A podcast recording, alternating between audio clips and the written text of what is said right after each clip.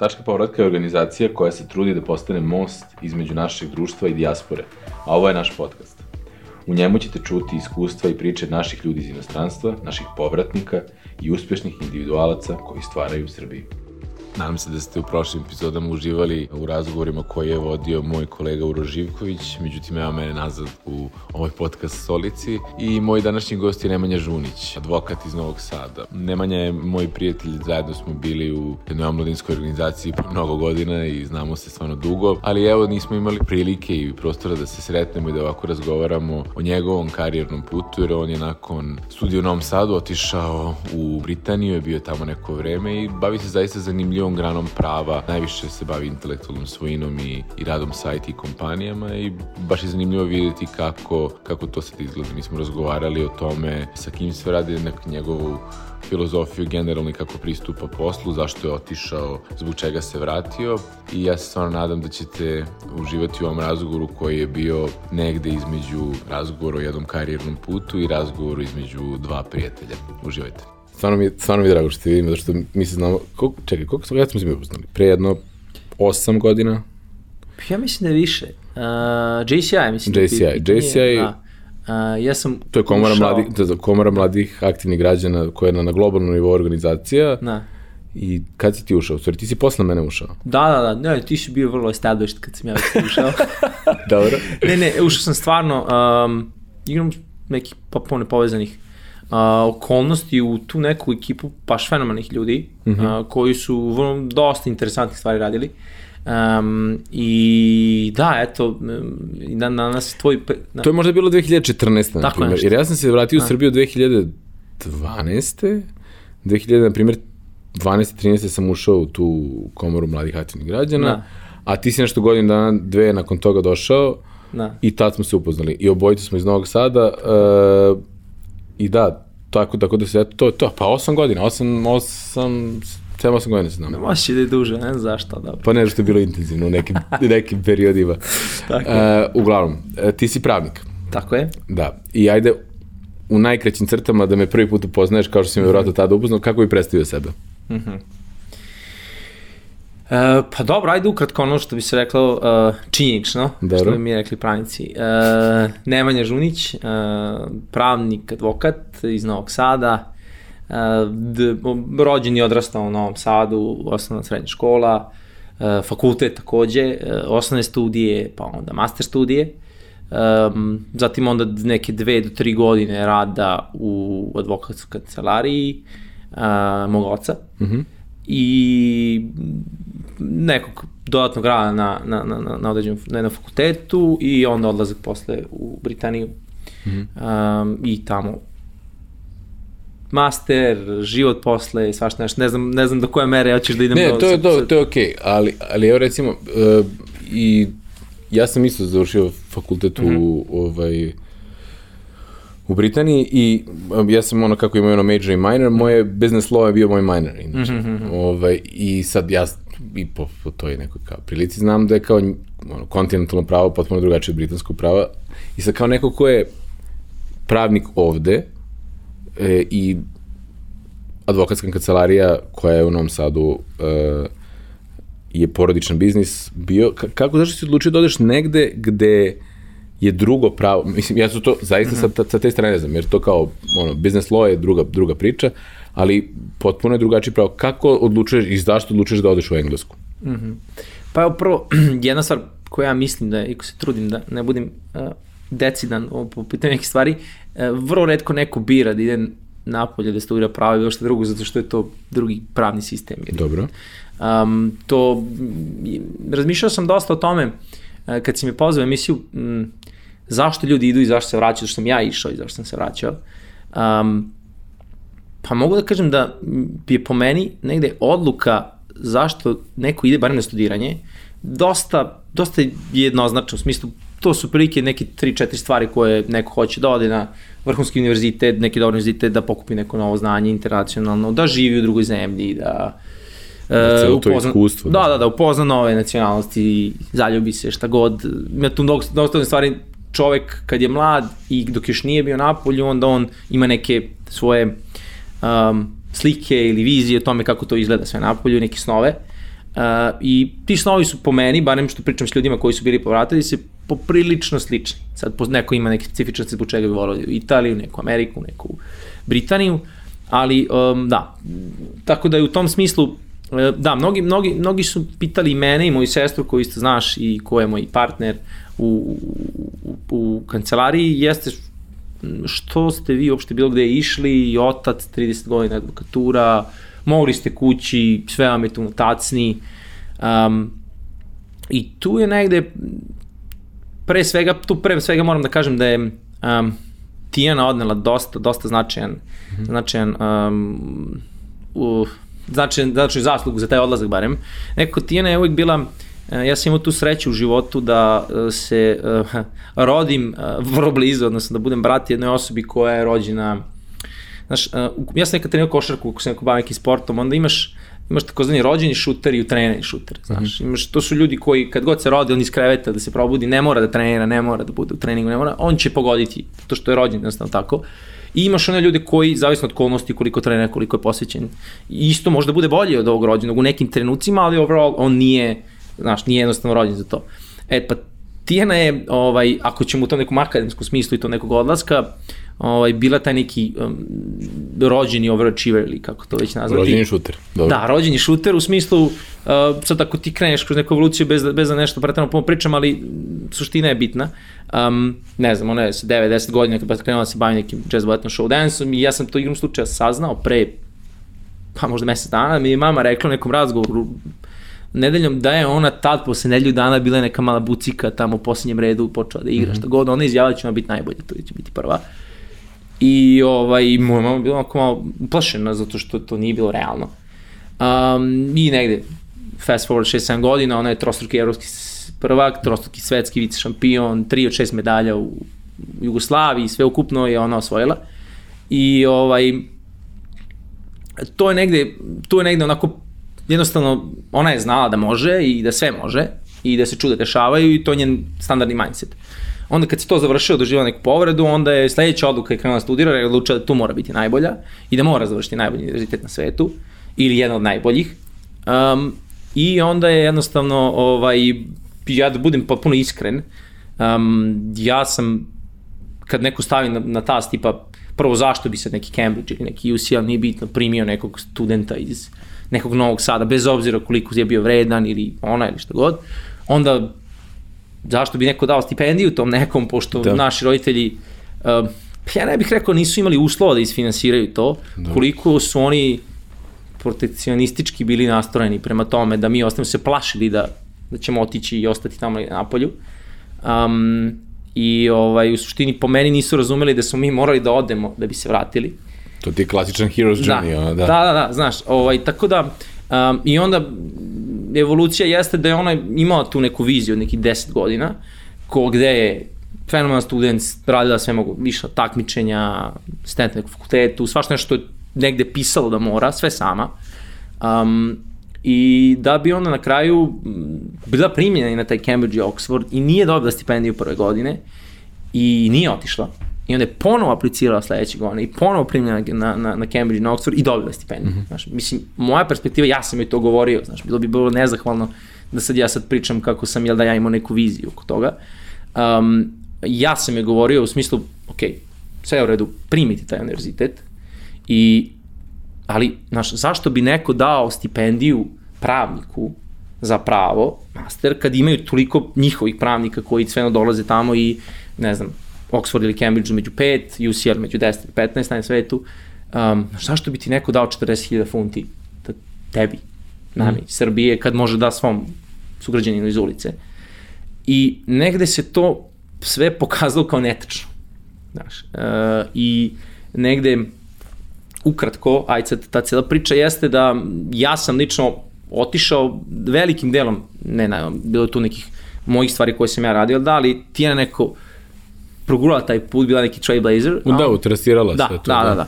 A onda sam ja negdje to pratio u svoje neke dodatke i neke svoje lične karakteristike koje sam imao i da, end, end result je ona je bila negde tri godine pre mene na Cambridgeu sa Open Society Foundation stipendijom, a ja sam on tri godine kasnije bio na UCL-u sa uh, Chilling stipendijom Mm. Obe stipendije, čim stipendije britanske vlade, Open Society je malo drugačije, ali suštinski da.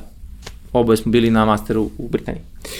I ajde ovako, ajde, kao mali presek, uh, uh, kao neko ko je dobio čini stipendiju britanske vlade, šta, šta recimo iz tog iskustva nosiš kao najvrednije?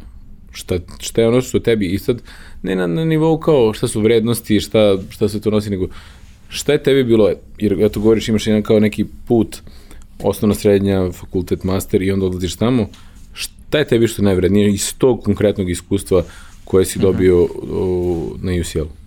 Pa, aj, aj, aj malo prvom obrnuto. Uh, ja ću reći šta je najmanje vredno. Aha. Ali što ljudi imaju predrasude. Znači, ljudi uglavnom sad misle, biraju predmete, šta će od predmeta izabrati, koliko će im taj neki jedan, drugi ili treći predmet doprinijeti u nekoj karijeri. Mislim da je to najmanje vredno. Kako sam ja imao tu sreću da izaberem baš dobre predmete koji, koji, da, koji i dan danas se bavim, ja sam završio intelektualnu svojinu i to je većina posla kojim se danas bavim.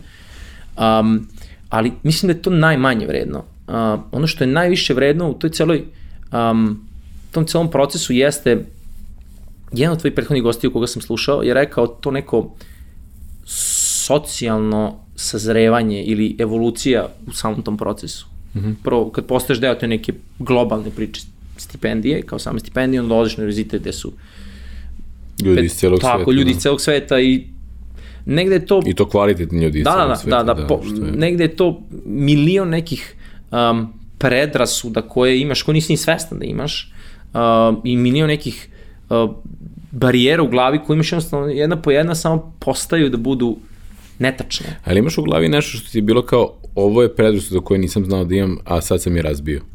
Mhm. Mm Pa ne, vidi, bilo ih je, bilo ih je dosta, evo daću ti jedan, recimo, jedan, za mene odličan primer um, kako neke stvari kod nas jesu dobre i dobre, smo dobro naučeni, negde nismo dobro naučeni. Dosta često to navodim, tipa, mi recimo ovde imamo u Srbiji kulturu gde, kad si domaćin, uh, očekuje se od tebe da pripremiš i piće i jelo i da očekaš tri dana, svašta nešto da bude, ali onda imaš situaciju u kojoj ne znam koliko ti imaš proslava godišnjih rođendana ili koliko si imao na svom u Srbiji, ali to se svede na par ljudi koji mogu to finanski da priušte. Mm -hmm. Znaš, a onda imaš, odeš tamo i vidiš, recimo, da svake nedelje imaš rođendan na kome, ako doneseš poklon, doneo si, svako plaća svoje piće i suštinski se, osim od toga da, od slavljenika, osim da pozove na rođendan, ne da kaže nađemo se tu i tu i eventualno najavi tom nekom kafiću da će ili restoranu će biti broj ljudi, ništa drugo ne očekuje. I sad neko će reći, a pa to je sad, mi smo galantni, treba biti ne znam kakav.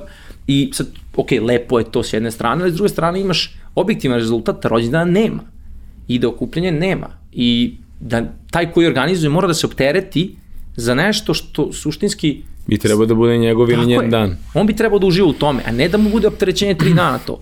Znaš, to je recimo jedna stvar koja sam, bila mi u početku potpuno neverovatna, kao što ovi rade, kao cheap ili tako da nešto, da, da. da bi posle shvatio da ja nisam u pravu. Znaš. Ili recimo druga stvar je, koja mi je bila vrlo interesantna, jeste taj neki networking koji je uh, posebno u Londonu i negde to neko, neko bi rekao usiljeno upoznavanje, uh -huh. um, ali ja sam recimo imao situaciju gde sam pričao sa nekim prijateljem koji dugo nisam video i našli smo se tamo i baš smo bili onako, što bi se reklo, baš smo razgovarali o nekim dubim temama i baš se videlo da smo, što bi englezi rekli, engaged i došao je neki Britanac i onako upao naš razgovor. Bukvalno je ušao u razgovor i rekao, ej zdravo, ja sam tu i šta sad?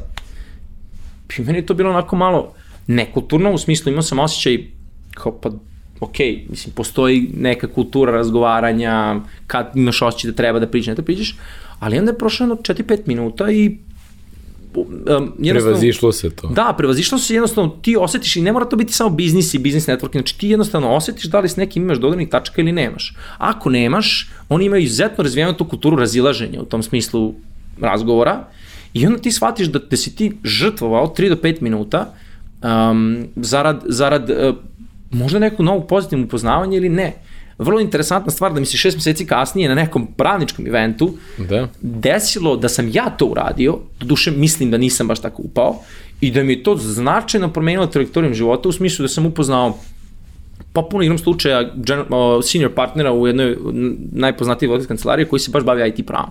Mm -hmm. i koji, s kojim sam postao pre, relativno, mogu reći, ne baš bliza prijatelj, prijatelj i koji mi je dosta pomogao u usmjeravanju svem ostalom. Upravo na tih 3 do 5 minuta, tako nekog goca koji nikad ne bi izveo da nisam otišao. Znaš. Da, znači dobio si neki skill koji ti zapravo u nekoj kafani, nekom pubu se desio da, da, si, je, da si ga naučio. Je. Tako da je to povezano sa tim da je ono, možda ti je najmanje značajno bilo to iskustvo koje si tamo iz knjige neke naučio koje bi mogao da naučiš i da si sedao i u Novom Sadu ili bilo gde drugde. Yes. Ali, um, a dobro, a kako se dešava taj, da je kažemo, crossover između toga da s jedne strane pravo, intelektno svina što kao da je sastavni mm -hmm. deo toga i nekako taj IT, jer to je nešto što ti je neki uži fokus. Mm -hmm. um, kako dolazi do toga I sad ajde, možda ja imam nekako tu prednost zato što znam i ko su ti prijatelji i sa kim se družiš i kako si imao dodir sa IT-em iako si pravnik, ali kako dolazi do toga da to sve sklapaš u jednu priču koja danas ima potpunost ima smisla. Pogotovo u Srbiji koja kao ima jednu tu industriju tako razvijenu u kojem potreba za nekom ko sa pravničke strane razume IT je velika jer ima puno naših firmi koje se time bave. E, mislim, ITM, pa onda i pod supportom kojim im vi pružate, ali uh, kako sebe u stvari oblikuješ na taj način da danas uh, klijenti koji dolaze sa tvoje strane su uglavnom nekako tog profila? Mm -hmm. Pa, znaš šta, ta evolucija je krenula ko što si rekao, ti znaš neki krug mojih da. bližih prijatelja oni se manje više su se svi bavili ITM, posebno verovatno oni ko, koji su koje, koje, koje sam se ja najviše ugledao, ajmo tamo reći, tako reći, ili pošto je IT po prirodi uh, bio dobra industrija da se bude, posebno pre 10 ili 5 ili 10 15 godina, pa su onda... sada. I sad je dobra, ali tad, posebno taj outsourcing koji je postojao je bio do, do, dobar biznis i ti ljudi su eksponencijalno rasti u smislu njihovih kompanija i ostalog i onda kad vidiš da nešto je najbolje, onda ti gledaš da šta je tu dobro i kako ti možeš tu da naučiš nešto iz toga. Uh, I onda sam ja negde nekom prirodnom evolucijom, prvi master koji sam radio u Novom Sadu je bio na pravnoj zaštiti softvera. Već tad sam negde imao neku viziju da želim da naučim više o tome i da želim tu negde da, da vidim um, kako mogu da se pronađem i onda je posle intelektualna svojina bila za mene neki prirodan uh, put uh, u smislu zato što je software u esenciji najvećim delom zaštićen mm -hmm. kao intelektualna svojina. Um, I za mene to neki bio prirodan put jako bio dosta težak put, jer mi tada, mislim da ni sada na Novoskom univerzitetu nije obavezan predmet intelektualna svojina. Uh, A kad sam ja ga studirao, mi smo imali četiri strane knjige, knjige o intelektualnom tu se mhm. završavao u okviru građanskog prava. A ček, hoću da mm -hmm. zašto ću zaboraviti, u stvari mm -hmm. te postavimo, ali ajde reci mi, mislim, baš mene interesuje sad ovako, šta je bio nekih od, ajde, neki barem obrise interesantnih slučajeva, kako se ili kako si se ti susreo sa nekom u, u praksi, u primjeni sa zaštitem ono, ono softvera i tog ono aspekta intelektualne kako u praksi to izgleda? Ja kao, ja kao kapiram u teoriji mm -hmm. čime se baviš, mm -hmm. ali kao tipa na koji način si nekog, nekoga ili zaštitio od, od toga da je neko pokuša nešto da mu kradi ili kako, kako se tu kao sa pravničke strane boriš protiv nekoga ko pokušava nešto da piratizuje? Mislim... Pa me pitaš tada ili sada? Ajde i tada i sada. Aha. Daj mi nekako kao ono, nekako, u stvari, daj mi nekako najzanimljiviji moment gde si nekako mogu da primjeniš ono što znaš. Uf, najzanimljiviji. I da pritom ne, ne da. moraš ništa da ono da, kao da, otkrivaš, da, nego samo pa kao... Ne, ne, ne, nema tu sad uh, puno otkrivanja. Um, software je vrlo interesantan uh, s aspekta um, a možda, da, posle ću se vratiti na to, ja sam mm -hmm. posle drugi master na, na, na, na UCL-u radio patentna zaštita mm -hmm. softvera. I software je vrlo jedna interesantna tvorena u smislu što nema mnogo stvari koje su po default copyright, odnosno autorsko delo, ali u nekim situacijama uh, mogu da budu i patent, što je mhm. potpuno dve različite stvari, znači autorsko delo štiti formu, znači štiti mm -hmm. ono što vi vidite iz polja, a patent štiti suštinu, da. odnosno kako nešto funkcioniše. I tu sad ima puno, puno različitih nekih primena. A, ono što sam ja radio jedno vreme u, u um, ono što recimo ljudi ne znaju da je, da, da je socijala softverska industrija pa i taj open source software i svašta nešto, da. to je i razlog zašto software uh, is eating the world, što bi rekao uh, Mark Andreessen, je što je suštinski tu nema puno tih uh, barijera, patentnih, intelektualne svojine, prava, puno ne smeta, to je add-on industrija, znači da. neko nešto napravi i ne kaže super, napravio je neki loop, ne, neki kod, ne, rešio neki problem i neko na njega nagrađuje nešto novo i onda to, to jednostavno, svako nagrađuje nešto novo i manje više dosta toga je open source, posebno sad kad pričamo o kripto svetu i, i o, o, o nešto što je najnovije. I tu onda ima jako puno, recimo, um, interesantnih stvari u smislu do koje mere nešto može da se iskoristi, da se kopira, da se iskoristi ideja, da se iskoristi do koje mere mogu funkcije da se koriste u smislu da nije baš direct copyright, ono kopirano u smislu linija ali linija, ali da je suštinski sama sama sama sama um, manje više polu forum polu suštinija kopirana i tu ima dosta dosta edge case-ova koji su koji su dosta interesantni i gde ljudi, ljudi dolaze sa nekim savjetovanjem u smislu, najčešće pitanje koje mi dobijamo jeste ja imam sad tu, tu i tu ideju i hoću da razim tako i tako, kako ja da se zaštitim za sad 3, 6 meseci, godina, 5 godina. Da mi neko nešto ne ukrade. Tako je, sad postoje različiti razlozi zašto neko, neko patentira software. Da, šta im vi kažete, šta im ti kažeš, ono kao, ja razumem da imaš to kao suštinski i mm -hmm. ovaj, ono, u formi šta, kako može da se zaštitiš, ali kako je, recimo, kad bi ti ja došao, kako bi ti mm. mi rekao, evo, ako ću te zaštititi, ono, zato što ja im sa neki software koji želim mm. da, ono, outputujem, šta ćeš ti meni sada da kažeš, kako ćeš ti kao pravnik mene da štitiš? Mm -hmm. Pa, sad, um, ovaj, to, je, to je malo, uh, malo, ima više grana prava koji se time bave, zavisno, zavisno od problematike. Um, ono što je bazično i što, što svako mora da uradi jeste da zaštiti svoje ime, u smislu ime, u smislu onda ko ima neki žig ili znak ili brand, da zaštiti žig i da zaštiti domen. Mm -hmm. I to je sad povezano u smislu, jer to je neki deo bazičnog brandinga koji posle može da se naštiti u nekom trenutku. Uh, imao sam jedan vrlo interesantan case um, gde je recimo jedan klijent je napravio ime .net mm -hmm. i onda je, znači to su neki američki advokati, Dobro. Uh, prekupili potpunost ideju i zakupili domen i to isto ime .com i registrovali žig, pošto ovi prvi nisu to radili, nisu to radili registrovali žig uh, u Americi koji je tipa gotovo isti, pa puno isti malo su ga izmenili. Um, I onda su još poslali uh, letter before action. Uh, da ove utuže što su... Da ove utuže što su oni napravili neku prodaju nisu napravili neku prodaju u Americi. I? Um, Pa, igrom slučaju na kraju uh, ti advokati su bili samo dobri advokati, Aha. a nisu bili dobri u pravilnom tog proizvoda, tako da čini mi se da u takvom trenutku je taj, ta stvar samo puštena i sreća, pa, pa je taj um, IT po world... To, tvog klijenta, oni nisu imali tako dobar servis da pruže... Tako je. Ti tako su je, kopirali, nisu na kraju je bolji, bolji pobedio ili pobediće,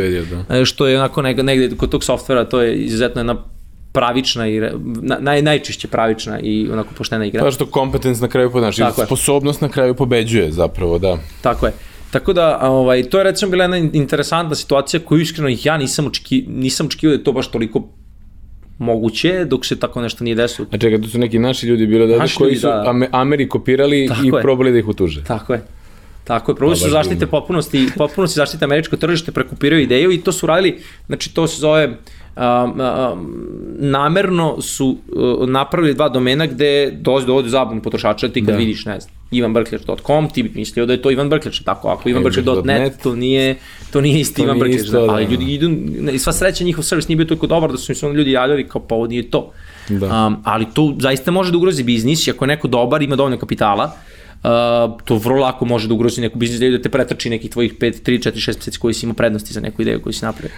Ovo je, mislim, ovo je možda malo prelična stvar, ali um, moj, moj otac je jedan od ono, osnivača Studio Moderne i mm -hmm. pod koji brend je bio Top Shop i oni su se tužili sa Top Shopom, ovim modnim brendom u Britaniji. Mm -hmm oko domena za, za američko tržište baš mm -hmm. I, i Top Shop, ono britanski koji ono, mislim se, kako zove, Green se preziva, mislim da je Philip Green, na primjer, bio nešto britanski neki milijarder, on tužio, a ovi su pre njega registrovali i to potpuno legit, tako da, da. to je bilo, ovaj, tako da imam neko kao da je to nekog do, dodira sa tim kako, kako možeš da ono, nagrabusiš u potpunosti kad te neko tu kao tuži za, za kao internetnu svojinu, a pritom si pre toga registrovao, tako da, da, da, da to zanimljivo. I znaš šta, ima samo jedna stvar koja recimo ja nisam znao i to je šteta što ljudi ne znaju. Um, me, mene su naučili kad sam otišao, kad sam već izabrao intelektualnu mm. svojinu, ali bilo bi dobro da ako neko gleda ko želi da specializira ili bavi pravom, da znaju da već neke 2016. ili 17. godine ukupna globalna vrednost nematerijalne imovine, znači žig, patent, autorsko pravo i neka druga manja prava, uh, je prešla ukupnu globalnu vrednost materijalne imovine, mm -hmm. znači zemlje, zgrade, oprema, sve što možeš da, da vidiš.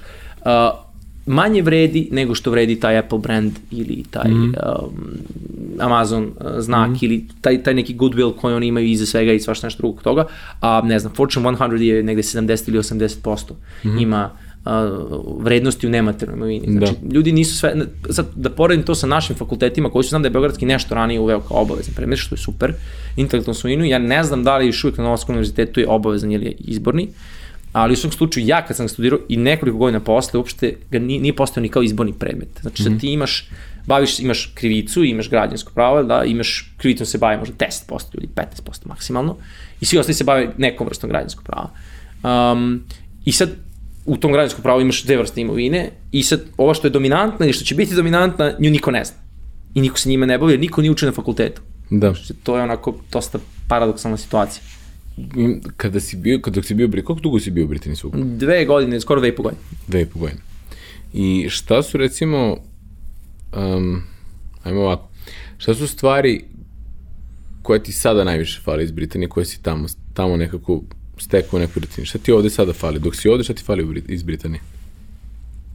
A, znaš šta, e, najveći, najveći prednost Londona, mm -hmm. najveći prednost uh, tog univerziteta gde sam ja bio, generalno tih najboljih ili tier 1 svetskih univerziteta, jeste ta fenomenalnost ljudi koju upoznaješ. Znaš, tamo, Pristup ka tim ljudima, jel da? Da, ne, jednostavno, svaka intelektualna interakcija je na, na neki poseban način, mm -hmm. neću da kažem fenomenalna, ali popuno može, može da staneš Starbucksu ili uh, nekom drugom, ja nisam baš fan Starbucksa, pa zato ljudi koriste okay. Starbucks. Um, Kao primjer. Tako je. Uh, I možeš popuno bez veze da pričaš sa nekim um, i da dođeš do, do situacije u kojoj uh, taj neko je fenomenalni, nešto će ti reći fenomenalno u smislu u tome što radi. Ja sam uvijek um, govorio, London je jako surovo mesto, ti si živio isto tamo, pa znaš mm -hmm. u smislu standard u Londonu, generalno ljudi koji ne znaju, 20 godina stagnira, u smislu mm -hmm. kvalitet života u odnosu na rente, plate, plate stoje, a, a, a cene samo skaču i tamo da budeš bez ikakvog uh, bez ikakve želje da degradira na bilo koji način neku profesiju, ali mm. bit ću banalan u smislu da budeš neki fizički radnik. Reću spremačica, to što sam imao spremačica, poći ti objasniti zašto. I možeš da budeš fenomenalna spremačica. Moraš mm. da mhm. budeš prvoklasni preduzetnik spremačica. Ove da bi... dolazimo do tog da. kao do sposobnosti, do kompetenca, znači moraš da. stvarno da budeš ono kompetentan. Moraš da, da budeš, što... moraš da budeš, moraš da budeš stvarno dobar u tome što radiš da bi jednostavno odskočio. A, tako je. Da bi, da, da bi preživeo, da bi taj život tamo imao smisla, nekog, bez da. obzira šta radiš. Jer su jednostavno stvarno troškovi i ti neki uslovi života i sama ta konkurencija mm. ljudi, svi hoće da dođu u London, svi hoće dođu u New York ili možda još imate četiri mesta na svetu gde je tako. Tako je, da, to je neki globalni čini, centri. Da, čini, čini a vjerojatno ćemo se u nekom truku doći do razlog zašto se ljudi vraćaju da. pa i u Srbiju ili ne ostaju tamo. Ja nisam upoznao puno ljudi koji, mislim da nikog nisam upoznao ko mi je rekao sanjem da živimo u Londonu i ceo život će živjeti u Londonu. Isto, ne, mislim da to je fenomenalno iskustvo, zato upravo je to ono, cirkulna migracija kao koncept i ono što mi se zalažemo, zato što to ti daje jednu širinu koju ne možeš tako lako da dobiješ živeći, na primjer, u Beogradu, Novom Sadu, Nišu, šta god. A, možeš da dobiješ ukoliko si dovoljno kao, kao kosmopolinski okre, uh mhm. -huh. okrenut mentalno, ali u principu ta vrsta i ono iz, izmeštanja iz svoje redovne sredine ti daje neprocenljivo puno, ali i povratak u istu tu ti daje ono da možeš da poneseš ono najbolje što ti tamo negde dato, ili si negde zaslužio, ili si pokupio i to, i onda možeš da nekako inkorporiraš i da napraviš najbolje od oba sveta. Ovaj, um, ali, ali nisi mi rekao šta ti nedostaje iz Londona. Znači, rekao si ljudi koji su tamo... Da, ljudi, pristup... to, to je, vidi, to je daleko, daleko naj, najveći benefit, ono što meni nedostaje. Baš sam, iskreno, meni London mnogo ne nedostaje. Me, ja da sam mogu da, da biram, ja bih išao u Ameriku. Mm. Uh, išao bih u New York.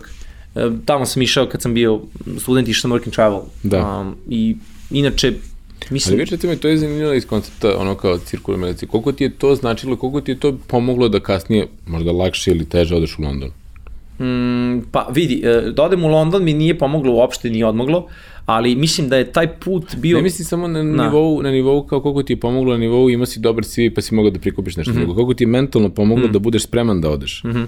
e, to sigurno. A, mislim, iskustvo je toliko drugačije da i ti si drugačiji kao čovek i godine mm. i svašta nešto drugo um, i, i razlog zbog kojih ideš, ali um, ono, mogu da kažem samo da je to iskustvo, uh, posebno ja sam kao i ti verujem um, blagosloven time da sam rođen u porodicu koji nisam morao da radim neke fizičke uh, poslove da bih studirao, preživeo, zaradio sebi za čeparšpaciju, što, by the way, mislim da je ogroman minus.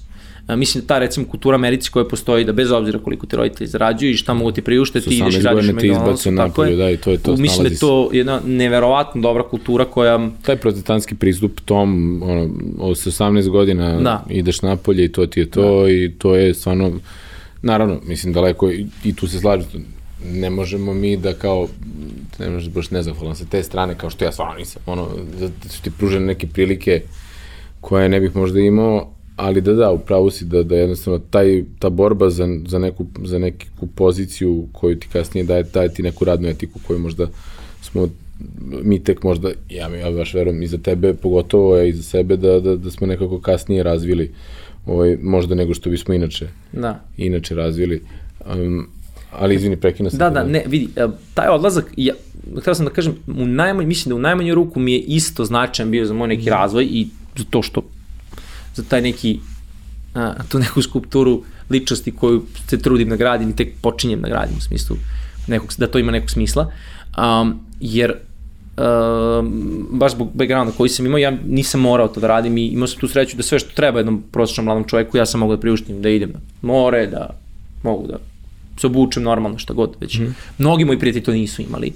Uh, imali su jači motiv da odu, um, ali recimo tamo sam imao jedno iskustvo koje je potpuno, za mene posle tek shvatio koliko je bilo značajno, ja sam u isto vreme radio dva posla, um, jedan posao je bio moving, ono, selitbe, i tu si zaposlen, imaš satnicu, imaš tip, radiš, nosiš ceo dan i to je Šekere, to. Da. Tako, i s druge strane, Uh, dosta je to bilo popularno, neki nišlija uh, uh, me, me uh, uveo u tu priču, ima u Central Parku, ne znam da znaš, jesi bio, ima oni rikše što, što se da, voze, da. kao ti voziš nazad i ti si kao tu neki tour guide i vozaš po Central Parku i se tu ima čitav čitav ekociklus. To je bio drugi posao. Tako je, ali čitav ekociklus oko toga ko može da se parkira, ko je u kom uh, taboru, ko koga zna, gde znaš.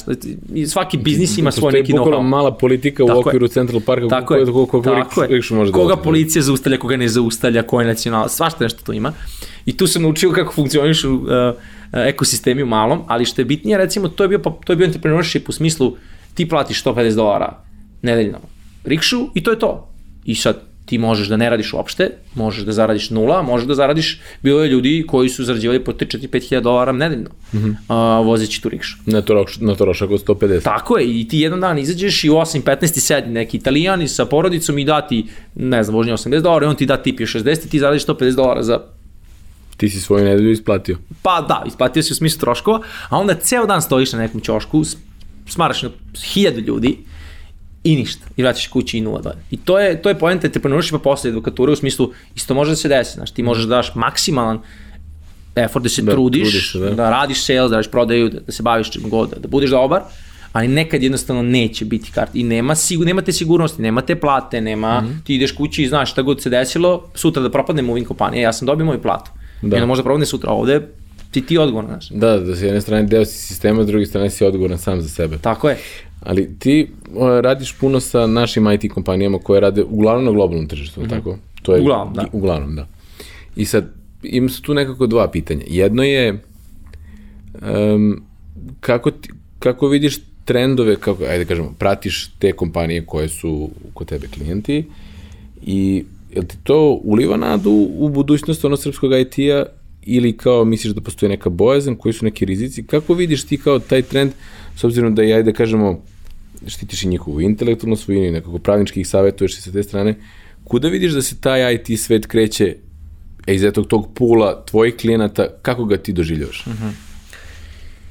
Pa, uh, znaš šta, mislim da naš IT svet, postoje tu različite, različite objašnjenja od nekog istočnjačko rusko-matematičkog backgrounda, zbog čega mm. smo mi dobri za određene programske jezike, za određene probleme, za neke druge nismo. Um, to su stvari koje meni matematičari i ljudi iz industrije pričaju, to ja ne znam. Ali um, ne mislim da je Srbija tu negde um, ni na boljoj ni na lošoj strani u odnosu na globalne neke, ajmo reći, zemlju razvoju.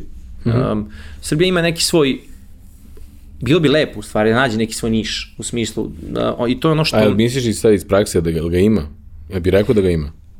Pa ja ne bih rekao da ga ima. Dobro. Evo ja ću ti reći, mi imamo dve vrste klijenata, većina naših mm -hmm. klijenta. Jedni su uh, strane kompanije koji imaju nekoga da li u, u samom osnivačkom timu ili nekoga od ključnih ljudi koji ima srpsko preklo i, uh, ili su čuli iz nekog razloga da je Srbija dobra za developer i onda otvaraju svoje development centre ovde. Jasno. To je jedan kanal i drugi kanal su naše firme, naši ljudi koji su uh, krenuli da se bave outsourcingom neke 2005. 6. 10.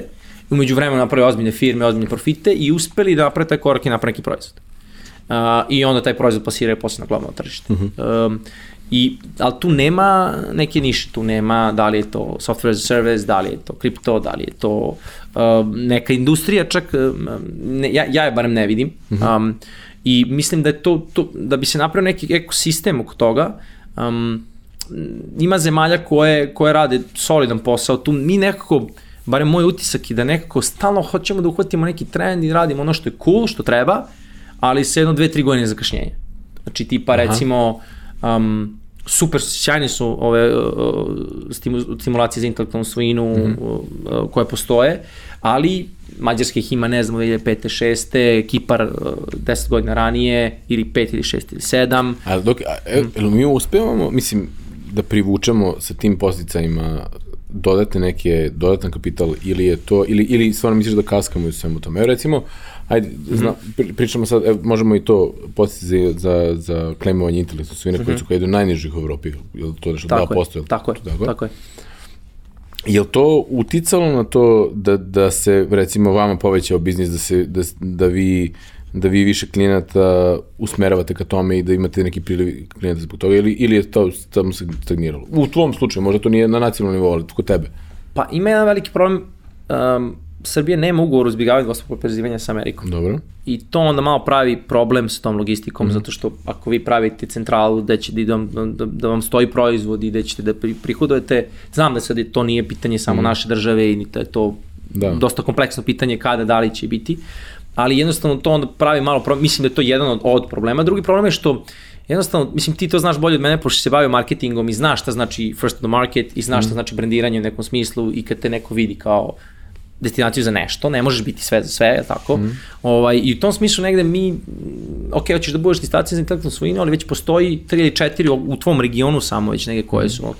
Onda, um, hoćeš da budeš destinacija uh, za kripto, možda, ali donosiš zakon 3-4 godine kasnije u odnosu na, u odnosu na, na neke, isto, ne, neke zemlje u okruženju. Znači, Ko je donao tu pre nas? Pa ti imaš, mislim, Estonija već vrlo establiš u tom da. smislu, uh, Malta isto takođe, Albanija čak donala pre nas zakon po, po tom pitanju. Mm. Ne kažem ja sad da je donošenje zakona ključno, ključno i sad da. to ne znam, ali ok, ključno, možda da. nije kripto, a mene da pitaš, ja bih rekao treba da bude kripto, ali um, bilo bi dobro da se, da se donese neka odluka u smislu, ne znam da li znaš recimo za Estoniju, kako je Estonija krenula da postane i resident svašta nešto. Znam vrlo dobro, upoznam čoveka koji je bio odgovoran za ceo proces, bio je na Koponik Business Forumu pre dve godine, Super. sedeo sam da je, posle sam ga da. pitao, da.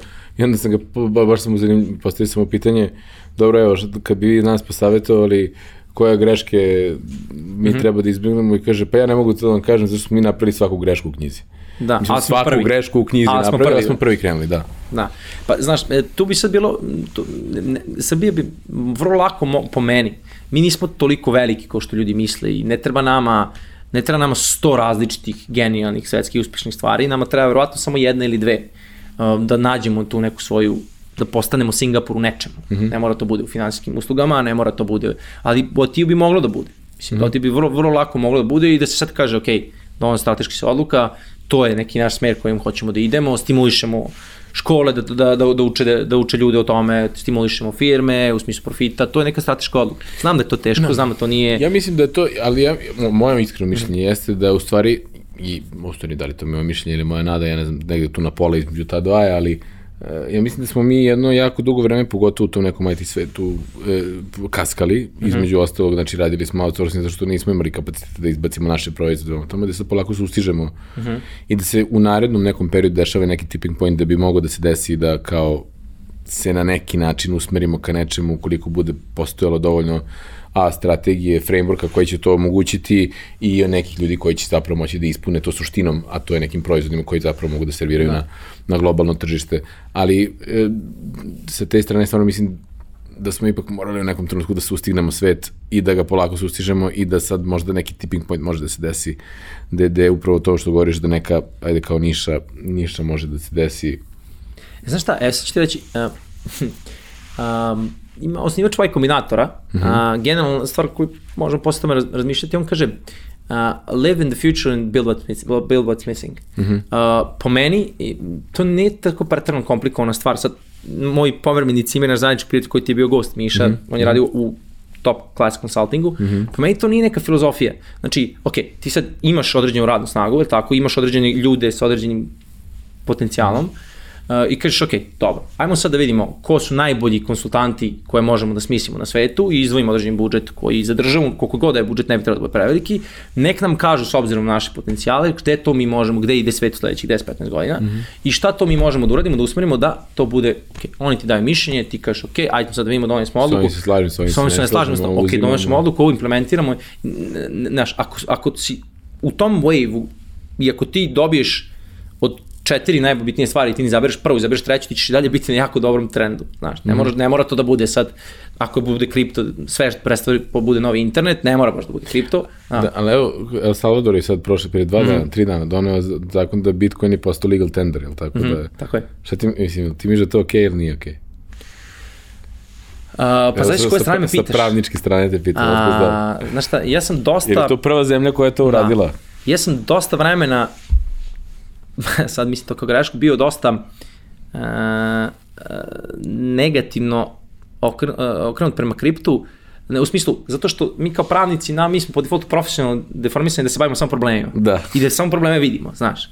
I sad, ti sad probleme koje ti ne vidiš transakcijama, ja ih vidim zato što znam kako to završava u krivičnom postupku, da. šta se dešava, kakvi se tu transakcije dešavaju, ali to ti isto, isto ono kao, uh, recimo kao recimo policajac saobraćajac koji svaki dan ima neku nesreću na putu. Da. Znaš, i on sad on samo vidi nesreće. Da. A mislim to je neka kolateralna šteta koja se dešava zato što je društvo donelo odluku da sve svi benefiti koji idu uz taj saobraćaj neka neka ne, neka, neka, neka tako je. Da. Ovaj, mislim, što se tiče kripta, ja nemam, nisam dovoljno stručan da bih, i to je vrlo kompleksno pitanje, da bih ja iznao svoje mišljenje, ali sam zato uradio neku onako površnu analizu uh, uh, najuticajnijih ljudi iz Silicon Valley koje ja pratim, koje cenim i ne znam, ako Mark Andreessen kaže da je to novi internet, ako Peter Thiel kaže da je to najočiglednija stvar investirati. A dobro, ali imaš Krugmana koji je, vrate, ono dobitnik Nobelove nagrade za ekonomiju koji je rekao da je ono Bitcoin bullshit. Um, ali onda imaš um, ništa, poslušaj recimo šta Navarro i Kant kaže o makroekonomiji, recimo, Dobre, okay. i da li je to nauka ili nije i šta je taj Krugman pogodio u prošlosti nije. Ja ne znam, nisam se bavio Krugmanom dublje i znam da je on vrlo establišno smislu, ali generalno makroekonomija kao uh, nauka od strane ljudi koji zaista bave naukom, a se smatra nekom pseudonaukom, isto kao i recimo pravo, uh, jer uh, postoji, da, postoji jako puno varijabla koji su ljudski faktora koji da bi... Da, da. nije kao ono, ono fizika ili hemija egzaktna, nego Tako je, i nije da. testable, što bi se rekao. Da, ovaj, ali ja pitao sam te kao ono šta ti nedostaje iz, ovaj, iz uh, engleski sada, ali ajde možda da obrnemo nekako na potpuno drugu stranu. Šta ti je, uh, šta je ono što najviše ceniš u Srbiji sada nakon što si se vratio? Čak ne bi ono što ti najviše nedostajalo, to može ti bude prijatelji, porodica, tamo nego, šta je ono što ceniš u, u životu u ovom društvu koje si naučio da ceniš dok si bio u inostranstvu? Uh -huh. Pa, znaš šta, po meni, nikako, nikako da ti odgovorim na pitanje kako treba. A, I kako odgovorim, možda ja hoću. Pa ne. Da. O, ovaj, ali, možda imaš, brate, ali, možda imaš kalibar za politiku malo. Ne, ne, ne, znam, ali ako, u moju odbranu, u moju odbranu, uh, Tim Fer, uh, pita Til kada je gostao kod Tim Ferisa, on nije jedno pitanje nije odgovorio. Dobro. Onda je on rekao posle, posmatrati kako on formuliša odgovor. E, Dobro. Naravno, ako da, da ne, ne, ne pretendiram da budem Peter Thiel, ni, ni hiljadi tida toga, ali um, šta sam teo da kažem, da, um, po meni je onako dobro, dobro pitanje tu um, zašto i gde um, suštinski ako, ako neko želi da ode ima srednju želju da ode um, definitivno treba da ode i to je I to je ono što ti rekao ode da bi se vratio. Tako je. A, ako treba da se vrati. E sad, šta to znači u praksi? Recimo, ja kad sam se vratio, svi ljudi koji nisu nikada bili nigde, su mi postavili dva pitanja. Jedno pitanje je šta ćeš ti ovde? Što si se vratio? I kad se vraćaš tamo. Da, aha. To su dva pitanja. Meni je bilo što si se vratio. Da. Uh, ne, ne, uh, to je odlično pitanje zato što to pitanje daje opciju za odgovor. Aha. Najčešće, najveći broj ljudi ti ne da uopšte opciju za odgovor. Da, što si ti Da, zato što, i to, to su neki... moja kuća. Da, e sad, um, i u tom smislu, ne mogu da kažem, ne, verujem da ne bih bio tako isključiv sa zat, no, zat konstatacijama i da bih postavio to pitanje o kojem ti mm. govoriš, ali um, da bih jednostavno, to su neke stvari koje mogu svako da ti kaže, da možemo sad da uđemo šta je to sve teško u Londonu, šta je sve nepravedno u Londonu, šta sve, da si građani drugog, trećeg reda, kako da okreneš da nisi u svojoj zemlji, svašta, možemo da pričamo o tome, ali nekako mislim da ako imaš tu neku želju i potencijal, da moraš to sam da, da iskušiš, da iskusiš. I svako iskusiš to drugačije. Mm -hmm. o, ovaj, tako da, a, e sad, šta imam kad sam se vratio, um, to je za mene u suštinski pitanje a, um, zašto ili da li, da li se vratiti, znaš. Jako puno pita ljudi, jako puno ljudi, dosta puno ljudi postaje pitanje uh, da li je otići ili vratiti se, znaš. To je, to je verovatno pitanje koliko ima odgovora, koliko je ljudski duša. Da, imaš recimo, a sad ću reći da se samo da se uvežem sa tim što mi smo radili neko istraživanje ovaj, i uporedili smo sa drugim istraživanjima koje su drugi ljudi radili. Odlaz, razlozi za odlazak i razlozi za povratak kada ih pogledaš mm -hmm. na ono kao skali, su praktično isti. Uglavnom je to ra, ono, potencijal, karijerni potencijal, tačnije, odlaze zbog toga što žele da se ostvare negde karijerno, ali ukoliko bi im se, recimo iz dijaspore, kad ljudi, kada bi im se ukazala prilika da u svojoj branši karijerno mogu da se ostvare, vratili bi se. Uh mhm. -huh. Znači, govorimo o istom razlogu, i to bukvalno 40% i sa jedne i sa druge strane, granice, da kažemo, uh mhm. -huh. ljudi bukvalno su odlazim da bi karijerno napredovao, vratio bi se ukoliko bi se karijerno po, po, pokazala prilika u mojoj branči. Znači, i kada pogledaš ostatak, isto što ide ono u posljedcima ispod, isti su razlozi. Znači, Na. ljudi odlaze i vraćaju se iz istog razloga. Recimo, na trećem mestu je recimo odlazak zbog toga što sistem ovde ne valja, na trećem mestu je zato što mi sistem u ovoj državi ne odgovara. Znači, bukvalno kada pogledaš mirror image da. onoga zašto ljudi odlaze i vraćaju se, uh, što govori po meni stvarno da treba iskusiti i jedno i drugo i onda proceniti bio kod mene Lazar Džamić u stvari na, jed, na, jednom, uh mhm. -huh. na jednom podcastu i on uh, se sada sprema, odlazi ponovo za Britaniju. Znači on je bio 17 godina, bio znači 20, 30 godina žive ovde, pa onda 17 godina bio u Britaniji i sad se ponovo vraća, vraća u Britaniju na neko vreme. I kaže uh, uh, svako društvo ima svoju patologiju uh mhm. -huh. i meni u nekom trenutku bilo dosta britanske patologije, pa sam se vratio u našu patologiju, a sad bi malo malo dosta naše patologije, pa se vraćam u monopatologiju. Da. Jednostavno ti imaš patologiju svakog društva. I sad nekada biraš, možda ti dugoročno odgovara jedna patologija, možda ti kratkoročno odgovara jedna patologija, ali u principu moraš što bi ono, da imaš to Jordan Peterson kad kaže, ono, moraš da, you have to, you have to choose your own sacrifice, da, moraš da, da biraš da. svoju žrtvu, brate. Da. I sad nekad je to na pola, na, na par godina, nekad je to doživotno, ali u principu taj moment slobode da ti možeš da biraš šta je ono što će da te muči i u stvari ta neka ultimativna sloboda da stvarno možeš da odabereš. Um, um, upravo to što si rekao, mislim da, čak nisam, nisam dugo, dugo o tome razmišljao dok nisi pomenuo tu reč sloboda, a, to je recimo nešto što je mene frustrirao zbog čega sam ja želeo da odem, znaš, ja nisam hteo da budem, um, iako je moj, moj otac, bez, sad moj otac i porad sam subjektivan, ali um, bavio se advokaturom na teško da, da vrlo teško da se možeš na neki časniji način baviti mm -hmm. time. Um, ipak sam um, negde gledajući čitavo društvo i šta se dešava i da, si, da je to delatnost da se ti baviš ljudskim problemima i da svi gledaju da ti da im rešiš neki problem koji su oni sami napravili nekako. Osim... Da, pa redko, ka, da. redko kad zoveš advokata kad ti baš dobro. E, to je izuzetak sad ovim čime se mi bavimo, to je naša sreća što e, mi najvećim, najvećim, lepo, mi, da. mi se bavimo lepim problemima, znaš. Da. Ima tu puno rada, puno znanja, ali ne bavimo se ono što ljudi očekuju sud vrlo malo, krivica uopšte ne, tako da, to, to, ali, um, i onda sam imao taj osjećaj da ću dati sve od sebe, bit ću dobar student, bit ću dovoljno vredan, i na kraju ću biti osuđen da uđem u taj neki mulj i da uh, budem deo tog mulja jer nema drugog izbora. To je bio moj osjećaj zbog čega sam ja morao da odem. Uh -huh. uh, I zbog čega sam mislio da je tamo negde bolje. Svašta nešto među vremenom se promenilo. Prvo, Srbija nije samo mulj i, u, i pravna profesija nije mm. daleko od toga da je samo mulj i pravo jedna lepota prava je da možeš zaista dobiješ neko široko znanje, možeš svačim da se baviš. Možeš posle toga da, da se baviš i business developmentom i salesom i svačim nekim drugim stvarima i da dobijaš neke veštine mm. dok, dok, dok, dok se baviš time da ne moraš baš da budeš pravnik ili advokat ili nešto treće. Mm. Ali ovaj, um, tako da ta neka, kažem, to je neki bio moj razlog jednostavno jer svaki... A, pričali smo na. malo pre ovoga i meni se, meni se stvarno dopalo to što si rekao jer to je ono nešto što evo ja ću reći sad prvi što sam ja rekao, da imam problem sa tom srbocentričnim pogledom na sve, da je kod nas sve najbolje ili najgore.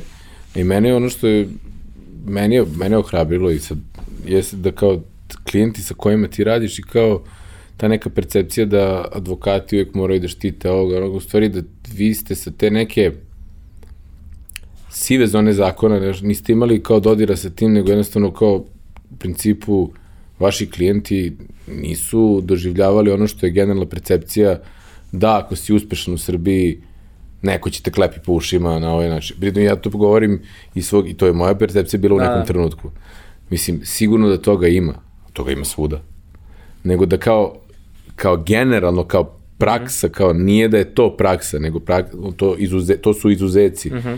A mi nekako gledamo i to je meni, to je ono što, što ja uvek pokušam i kroz razgovore mm -hmm. i sa mhm. ljudima kao što si ti, i sa tobom i sa da kao, e, ajde da pogledamo, da sagledamo realno, da li ovo društvo ima problema, ima problema, da li bi moglo da bude bolje, pa uvek bi moglo da bude bolje, ali da li neke stvari koje su stvarno okej okay i funkcionišu, treba da kažemo ovo je okej, okay, funkcioniše, ajde budemo realni u svim ono, aspektima našeg dijaloga da kažemo ovo je sranje kad je sranje, a ovo je okej okay, kad je okej okay, ovo je odlično.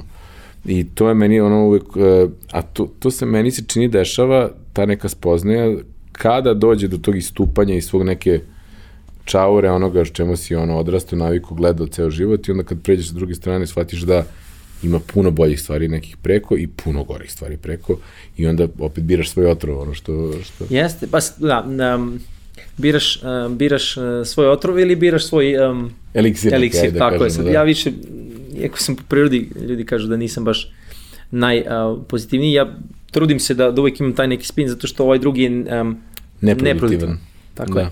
Um, Popuno se slažem tu s tom, da ja mogu samo da dam perspektivu, čisto ajde sa, sa pravničke strane, pošto verovatno mm. je to mhm. nešto što može biti specifičnije od nekih drugih intervjua koji se ovde imao. Prvo, ljudi ne znaju, recimo da je uh, pravnička delatnost, u Britaniji postoji solicitors, solicitors i barristers, mm -hmm. znači barristers oni, oni koji idu na sud, oni samo oni mogu da idu na sud. Mm -hmm.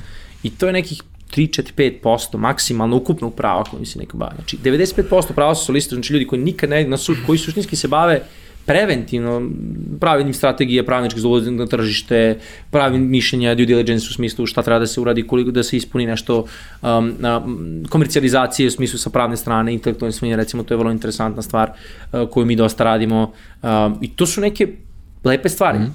To je dosta slično konsultingu u smislu da ti ne, ne, nemaš ti sad tu um, pregovaranje u smislu sklapanja nekog ugovora koji je kompleksan. Znači to su stvari koje, i to predstavlja većinu prava generalno. To sad što se na TV-u vidi vidi, gleda se Suits, Suits ili da. se gledaju neke kriminalističke serije, pa da. pa sad ljudi misle da je, da je da, to ili, ili to. pompezno ili da je sve samo na sudu.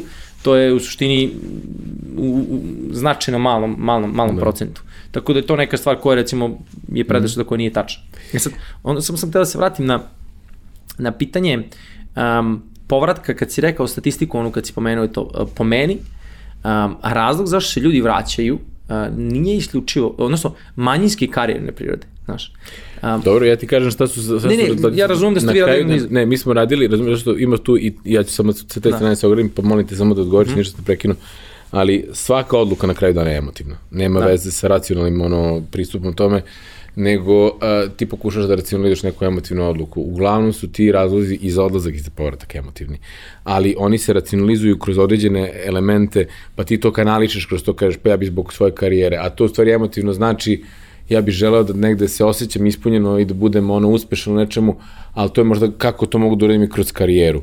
I onda to je samo da. racionalizacija onoga što mm -hmm. ono, mi ono, sa, sa, sa neuro aspekta znamo da, da. da je svaka odluka zapravo da ono, na kraju dana emotivna. Ali izvini sad, prekrenuo sam samo da se... Je, ne, da slažem se, pretpostavio sam ja, nego nisam, nisam mislio da, da ste sigurno stradili, ja vrlo često kad pričam o nekim stvarima vratim se na na, na, na teren posla, biznise, ne? Zato što je to jednostavno lako kvant, kvant, kvantifikovati mm -hmm. tako nešto, uspeh, malo jednostavnije nego kad odeš na neke druge sfere, a dosta neki paralel može da se izvuče, pa tako, tako ste mm. verovatno vi radili mm. tu analizu, jer je to nešto, ne možeš ti da kvantifikuješ nekog da li koliko je srećan nije srećan. Tako je. A, e sad, pitanje povratka jeste za mene, pošto sam se dva put vraćao, ajmo tako reći, čak i tad bio neke opcije da se ostane u Americi, imaju da, neke varijante, se vozi da, kamion, da, da. svašta nešto. Uh, um, što mlad mozak uh, je uvijek otvoren za različite vrste uh, ideja koje, od kojih mnoge nisu pametne. Um, uh, za mene nije pitanje gde ideš, već šta ostavljaš. Mm -hmm. I sad, to, ni, uh, to sad nije stvar u smislu da si ti nešto napravio pa ostavio, nego jednostavno s čim, koje su ti karte bile podeljene pre nego što si otišao. Mm -hmm. i to je u smislu porodice, prijatelja, poslovnih prilika, um, i svače nešto drugo. Znači, u mom ličnom slučaju, ja sam imao tu sreću da rastem u lepe porodici, da kucam bez nekih, nekih većih nesreća, da, da se okružim nekim prijateljima s kojima se i danas družim i da tu bude normalno.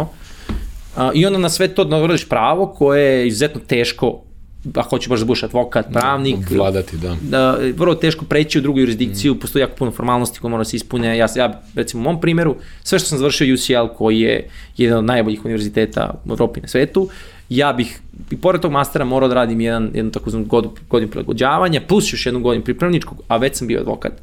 Znači, to bi bilo nekih 100.000 funti najmanje troška i dve godine još potrošene, da bih ja počeo da trčim neku trku. To je da budeš negde gde si već bio pre tako par godina, da. Tako je, da bih ja počeo, to nije isto, imao si jednog uh, gosta koji je programer bio završio na Oxfordu, mm -hmm. koji u Microsoftu radi, koji mm -hmm. on, je može, on je može ovako da okrene i da sutra bude u Microsoftu ili tako nekom je. drugom i potpuno to je odluka od koje, koje, tako da to je recimo isto nešto što utiče, ne kažem, mm -hmm. verovatno ne bih ostao ni tad, ni da sam bio programer, uh, ali to je isto jedna, jedna stvar koja je jednostavno individualna i koja utiče na, utiče na tebi naravno. Ne mogu ja sad, iako sad to što mi radimo, moj otac je radio vratno sve u životu, samo nikad nije radio intelektualnu svojinu. -hmm. um, I to što mi sad radimo, vrlo, vrlo malo ima veze ili, ili gotovo nikakve veze, vrlo malo ima veze sa tim što je on radio. Ja ne mogu da kažem da tek sad shvatam, počinjem da shvatam to što je on dok sam se ja igrao u PSK-om pominjao neke ugovore ili ne znam šta, ima neki benefit. Ne, znaš. to je ono što ja recimo znam kod tebe jeste da je tu postala neka osnova na kojoj ste ti i ti nadgradili na jedan potpuno drugačiji, razgranali mm -hmm. neku osnovu koja je postojala e, i ja i kao i ti sam ono u životu radio, sad mm -hmm. znam kako tu familijarno može da utiče na, na različite odnose, ali mislim da, barem ono što ja znam, taj moment na dogradnji koji ste vi uspeli da postignete je zapravo impozantan i to je stvarno nešto što se vidi kako jedna porodica zdravo, bar iz mog ugla opet iz iskustva rada sa svojom porodicom, kako, kako zdrava porodica funkcioniše. Um, pošto već, ne znam, sigurno smo probili već mm -hmm. neko vreme koje je planirano, imamo mi uvek dva pitanja koje postavljamo mm -hmm. gostima za kraj, možda se već znala, to je jedna koju knjigu uh, si najviše puta poklanjao nekome. Mm -hmm.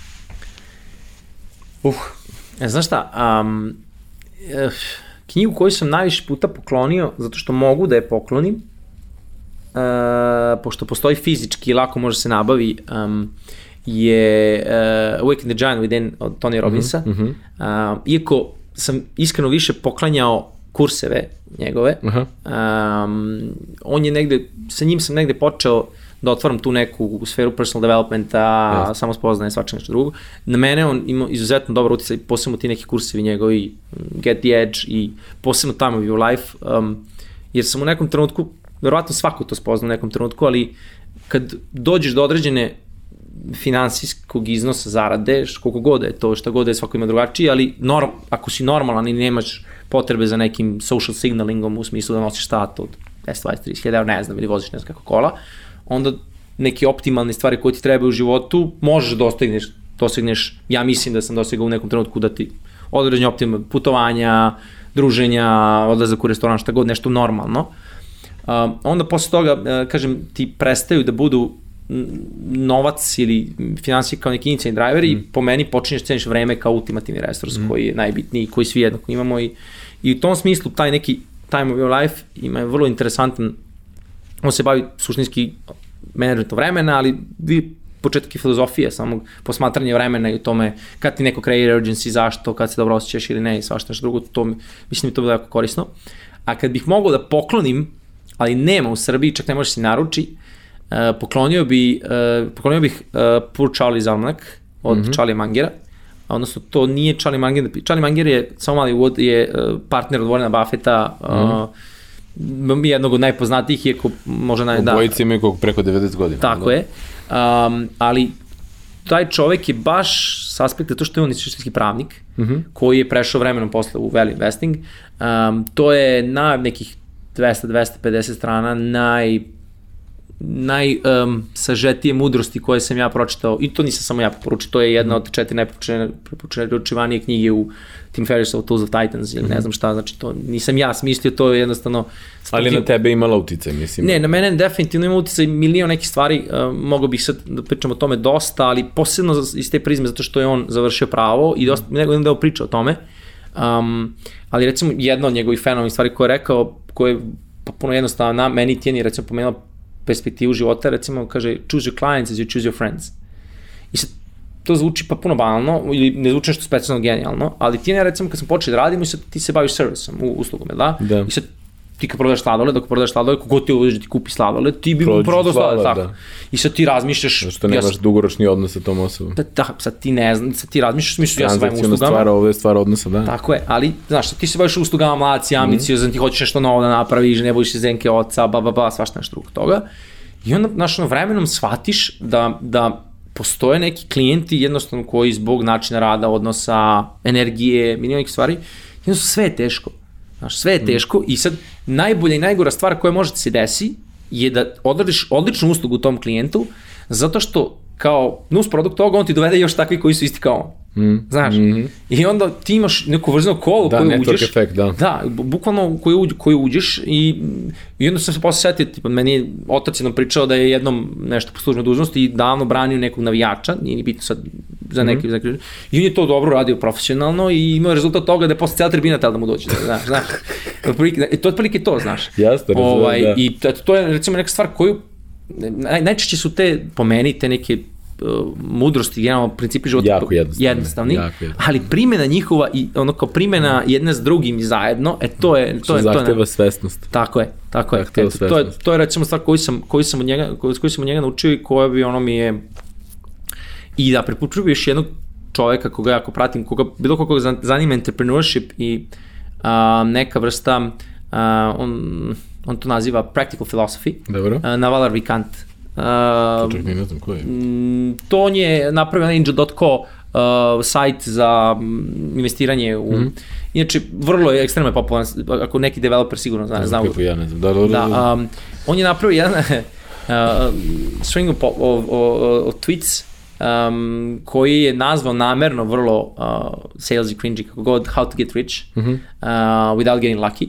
A u stvari je poenta cele priče uh, je how to create wealth. Uh -huh. Kako da kreiš vrednost. Uh -huh. I, ali sam, za mene on gađa neku fenomenalnu distinkciju između filozofije generalnog uh -huh. i ono kao šta zaista treba uraditi, znaš. I tih nekih dva i po sata koliko traje taj, koliko to, to prebaci posle podcast, uh, i sve od njega generalno, o svemu čemu god da priča, čovjek je fe, fenomenalno uh, obrazovan, inteligentan i dolazi iz nekog, nekog vrlo ovaj, poniznog backgrounda, zbog čega ta, ta njegova priča imaš veću dužinu, tako da to bi, to bi definitivno preporučio. Jasno.